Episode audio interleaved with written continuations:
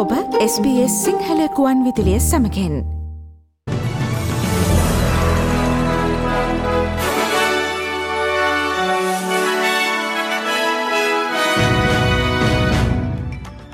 ප්‍රථමයෙන් සිරස්තල ඔස්ට්‍රේලියාවේ තිස් එක් වැනි අග්‍රමාත්‍යවරයා ලෙස ඇන්තනි ඇල්බනිසි තිවරුම් දෙයි. නව අග්‍රාමාත්‍යවරයා සිය පළමුකාරය ලෙස කොඩ්නායකින්ගේ රැස්සීමට ටෝකියනුවර බලාපිටත්වයාමට සූදානම්.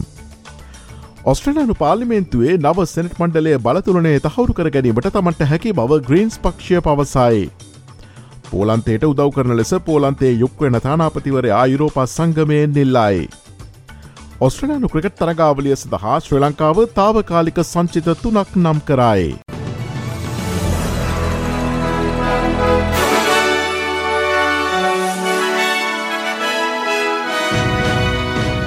SBS සිංහල ප්‍රෘත්ති සමඟ මම මදුර සැනවිරත්න.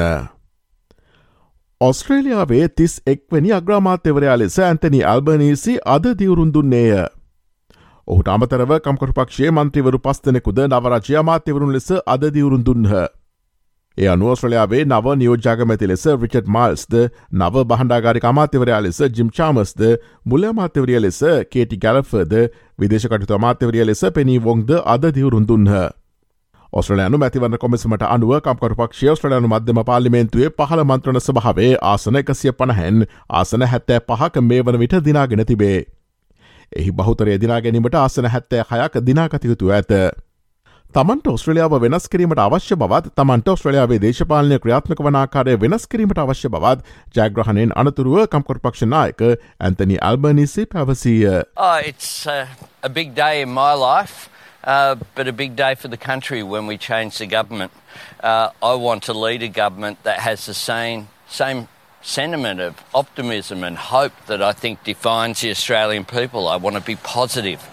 I want to uh, channel the opportunity that we have to shape change so that we bring people with us on the journey of change. Uh, I want to bring the country together, and uh, the new government starts today. ටෝකියෝනුවර පැත්වෙන කොඩ්නායකින්ගේ රැස්සීමට සහභාගවීම ඔස්ට්‍රලයාාවේ නව අග්‍රාමාත්‍යවරයා ලෙස දිවරුන් දුන් Anthony අල්බනිසිගේ පළමු කාර්යවී තිබේ. අද පස්සරුව පැත්තෙන මෙම රැස්වීම සඳහා අග්‍රාමාත්‍ය ඇල්බනීසි සමඟ නව විදේශකටතු අමාත්‍ය පෙනී වොන්ද සහභාගවීමට නීමිතයි. අගමැති ඇල්බනීසි එහිදී අමරිකාක්සත් ජනපදයේ ජපානය සහ ඉන්දියාවේ නායකෙන් හමුවීමට නීමිතයි. අමරිකාක්සත් ජනපද ජනාධිපති ජෝබයිඩන් නව ඔස්ට්‍රල නග්‍රාමාත්‍යවරයා වෙත සිය සුභ පැතුම් එක් කර තිබේ. යටිතල පහසුකම් දේශගුණික විපර්යාස ආරක්ෂාව මානුෂ්‍යාධාර සහ ආපදා සහන හරහා නිදහස් සහ විවෘත ඉන්දු පැසිෆික් කලාපය පෝෂණය කිරීම මෙම කොඩ්නායකින්ගේ රැස්සීමේ අරමුණ වී තිබේ. කොඩ්නායකින්ගේ රැස්සීම ඔස්ට්‍රලයාාවට අතිශය වැදගත් රැස්සීමක් වනු ඇති බවත් ඔස්ට්‍රලයාාවේ සිදු දේශපාලන වෙනස දේශකුණක විපරෑස වැලක්වීම සඳහා ඔස්ට්‍රලයාාවේ නව කැපවීම සහ ලෝකේ සමග ඔස්ට්‍රලයාාවේ බැඳීම අලුත් කිරීම වැනි කරුණු එහිදී ලෝකෙට හෙළිකිරීමට මෙම රැස්සීම උපකාරවන බවත් අගමැති අල්බනීසි පැවසීය.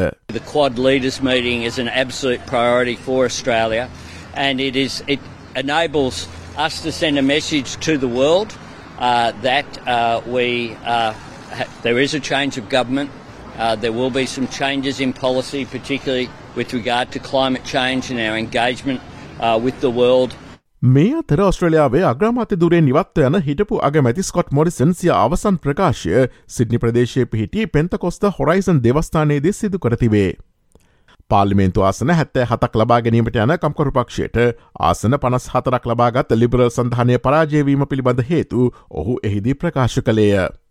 මැතිවරණය ප්‍රතිඵලය තමා පිළිගන්නා බවත් එම ප්‍රතිඵලය කාලෝචිත එකක් බව තමන් සහ පිරිස අවබෝධ කරගත් පවත් හිටවා ග්‍රමාත්‍ය ස්කොට් මොරිසන් දෙවස්ථානයේ සභාවට පැවසීය. The last election um, we really understood that it was for such a time as this and uh, now we both know it was for such a time as that.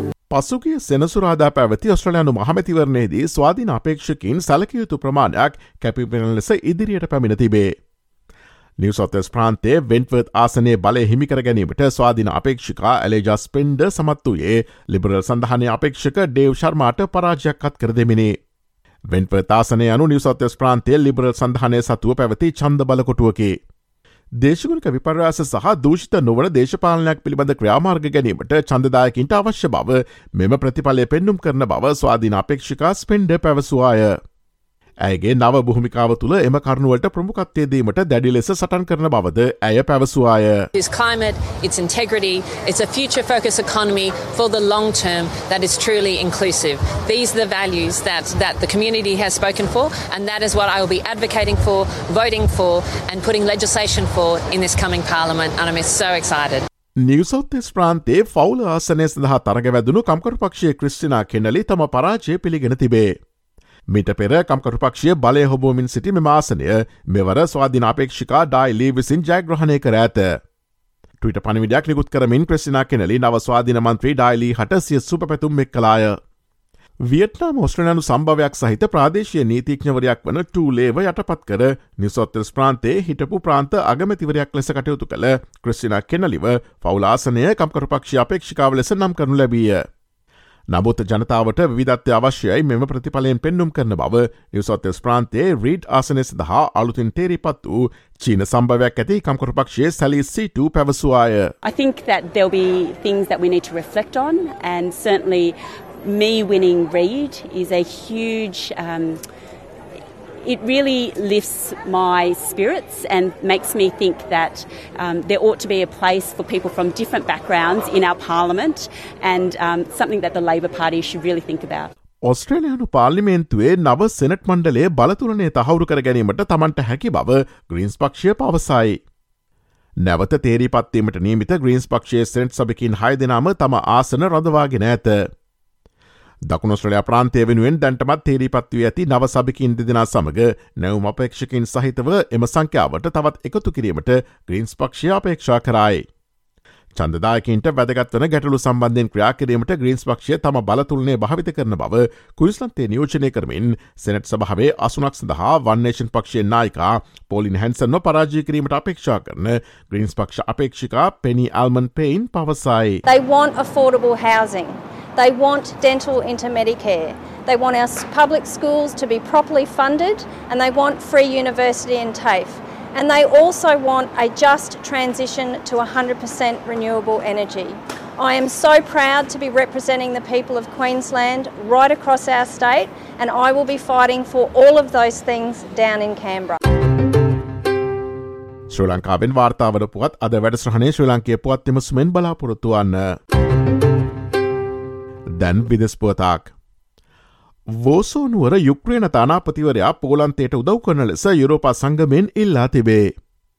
රුසියානු අක්‍රමණයෙන් පසු ජීවිත නිදහස පතා සිටන මිලියන සංඛ්‍යාත යුක්්‍රණ සරණාගතයන්ට පෝලන්තය නොකඩවා සහය දැක්වීම ඊට හේතුව ලෙස ඔහු පවසා ඇත. පෝලන්ත රජය යුක්්‍රණ වැසියන්ට නොමිලේ වෛද්‍ය ප්‍රතිකාර අධ්‍යාපනය සහ අනෙකුත් සමාජ සුපසාධන සේවා ලබාදී ඇති අතර බටහිරින් යුක්්‍රණය දක්වා මානුෂ්‍ය ආධාර සහ ආයුධ සඳහා ප්‍රධාන දොරටුවක් ලෙස ක්‍රියා කරමින් සිටේ. පෝලන්තයට වඩා තමන් යුක්්‍රණ වැසියන්ට වඩා හොඳ සැලකිල්ලක් දක්වන බවට රුසියාව අන්තර්ජාලය ඔස්සේ සාවධ්‍ය තොරතුරු පතුරුවන බව පෝලන්තේ සිටින යුක්්‍රණ තානාපති ඇන්ඩ්‍රී ඩේශිස්ටියා පවසයි.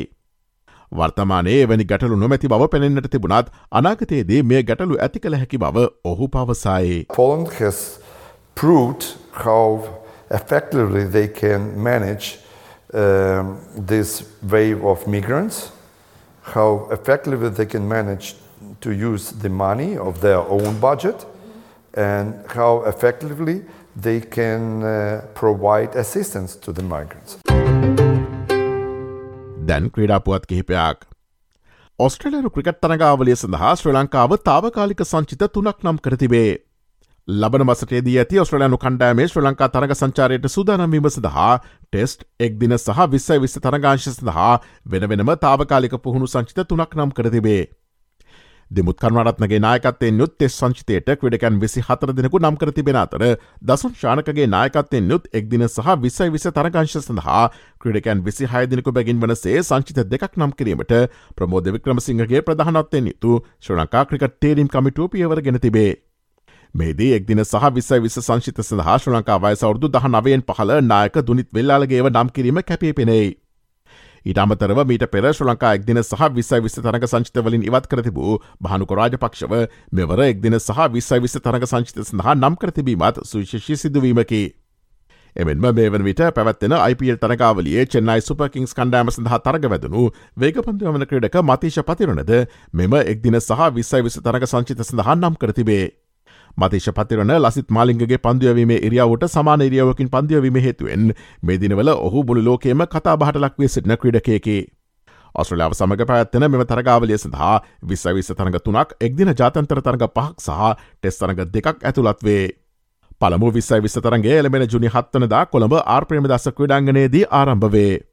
පළමුුවෙක් දින තරගේ ජුනි දාහතර වනදා මහනුවර පල්ලෙ කලේ ක්‍රඩාංගනයේදීත් පළමු ටෙස්තරගේ ජුනි විසිනවනදා ගල්ල ජාතන්තර ක්‍රඩාංගනයේදීත් ආරම්භීමට නීමිතයි. ශ්‍රී ලංකා ක්‍රිකට් කණ්ඩෑම සහ බංගලදේශය අතර දෙවන සහ අවසන් ටෙස්තරගේ බංගලාදේශයේ මීර්පූර්හිදී අද ආරම්භවෙයි. ICC ලෝක ටෙශ්ෂුරතාවලට ඇත් මෙම තරගාවලිය පළමු තරගය ජයපරාජෙන් තොරව නිම වූ අතර මේ තරගේ ජයගැනමින් තරගාවලිය ජය වාර්තා කිරීම අරබුණින් දෙපිළම අද තරගේට එක්වනු ඇත. මෙම තරගේ පැත්තන මීර්පුර ක්‍රඩාංගනය ශ්‍ර ලංකාවට වැඩි වාසිදායක ක්‍රඩාංගනයක් වන අතර මින් පෙර එහි ක්‍රඩා කර ඇති තරග තුනම ජයගැනීමට ශ්‍ර ලංකාව සමත්ව තිබේ. මෙම ක්‍රඩාංගනයේ හෙළමිනිමේ වාර්තාවද ශ්‍ර ලංකා පිළ සතුව තිබේ. ඒ දෙදහස්දා හතර වසරේ බංගලාදේශයට එරෙහි දෙවන ඉනිමේදී කඩුළු හයකට ලකුණු හත්සිය තිහක් රැස් කිරීමය. එම තරගේ දේශ ලංකාව ඉහළම ජයවාර්තා කර ඇත්තේ ඉනිමකින් සහ ලකුණු දෙසිය හතලිස් අටකිනේ. කෙසේ වෙතත් බංගලදේශය විසින් එංගලන්තය ඔස්ට්‍රලියාව බටහිරින්දිය කොදෙව් සහ සිම්බබේ කණ්ඩාම්වලට එරෙහිව මෙම ක්‍රඩාගනයේදී ටෙස් තරඟ ජයග්‍රහණ වාර්තා කර ඇත. ස්ට්‍රලන් ඩොලට සාපේක්ෂවාදදින විනිමානු පතිකන් සටහ වන්නේ මෙයාකාරය අප්‍රිකාන් ඩොල සත හැත්ත එකයි බ්‍රතාන්‍ය පවම් සත පනස් හයයි යුරෝ සත හැට හතයි ජපන්නෙන් අනුවයි සතතිස් හතයි ශ්‍රලකාරුපියල් දෙසිය පණහයි සත අසූ අටයි. ඔස්ට්‍රලයා පුරා අධ්‍යනය කාලගුණ තත්වය වාර්තාවන්නේ මෙයාකාරෙන් පර්ත් සෙල්සෙස් දහනවයයි මද වැසියතිවේ ඇඩිලෙට් විසි දෙකයි ආලකුමත්දිනයක් මෙල්බන් දාහතයි තරමක් වලාකුළු සහිතයි. හෝපට සෙල්සිස් පහලවයි ආලකුමත්දිනයක් කැන්බරා දහස්සයයි තරමක් වලාකුළු සහිතයි. සිට්නි විස්සයි මද වැසියතිවේ බ්‍රිස්බන් සෙල්සෙස් විසි දෙකයි මද වැසියතිවේ ඩාවින් තිස් හතරයි ආලකුමත්දිනයක්. කොළ බහතදස්සන්න ප්‍රදේශවල අද කාලගුණය සෙල්සස් විසි හයත් තිස්සකත් අතර වැසි ඇතිවීමට ඉඩි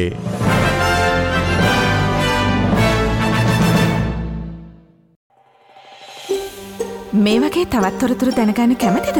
එහමනම් Apple podcasts Google podcasts Spotify ඔබගේ පොඩ්කාස්ට ලබාගන්න ඕනේම මාතයකින් අපට සවන්දය හැකේ.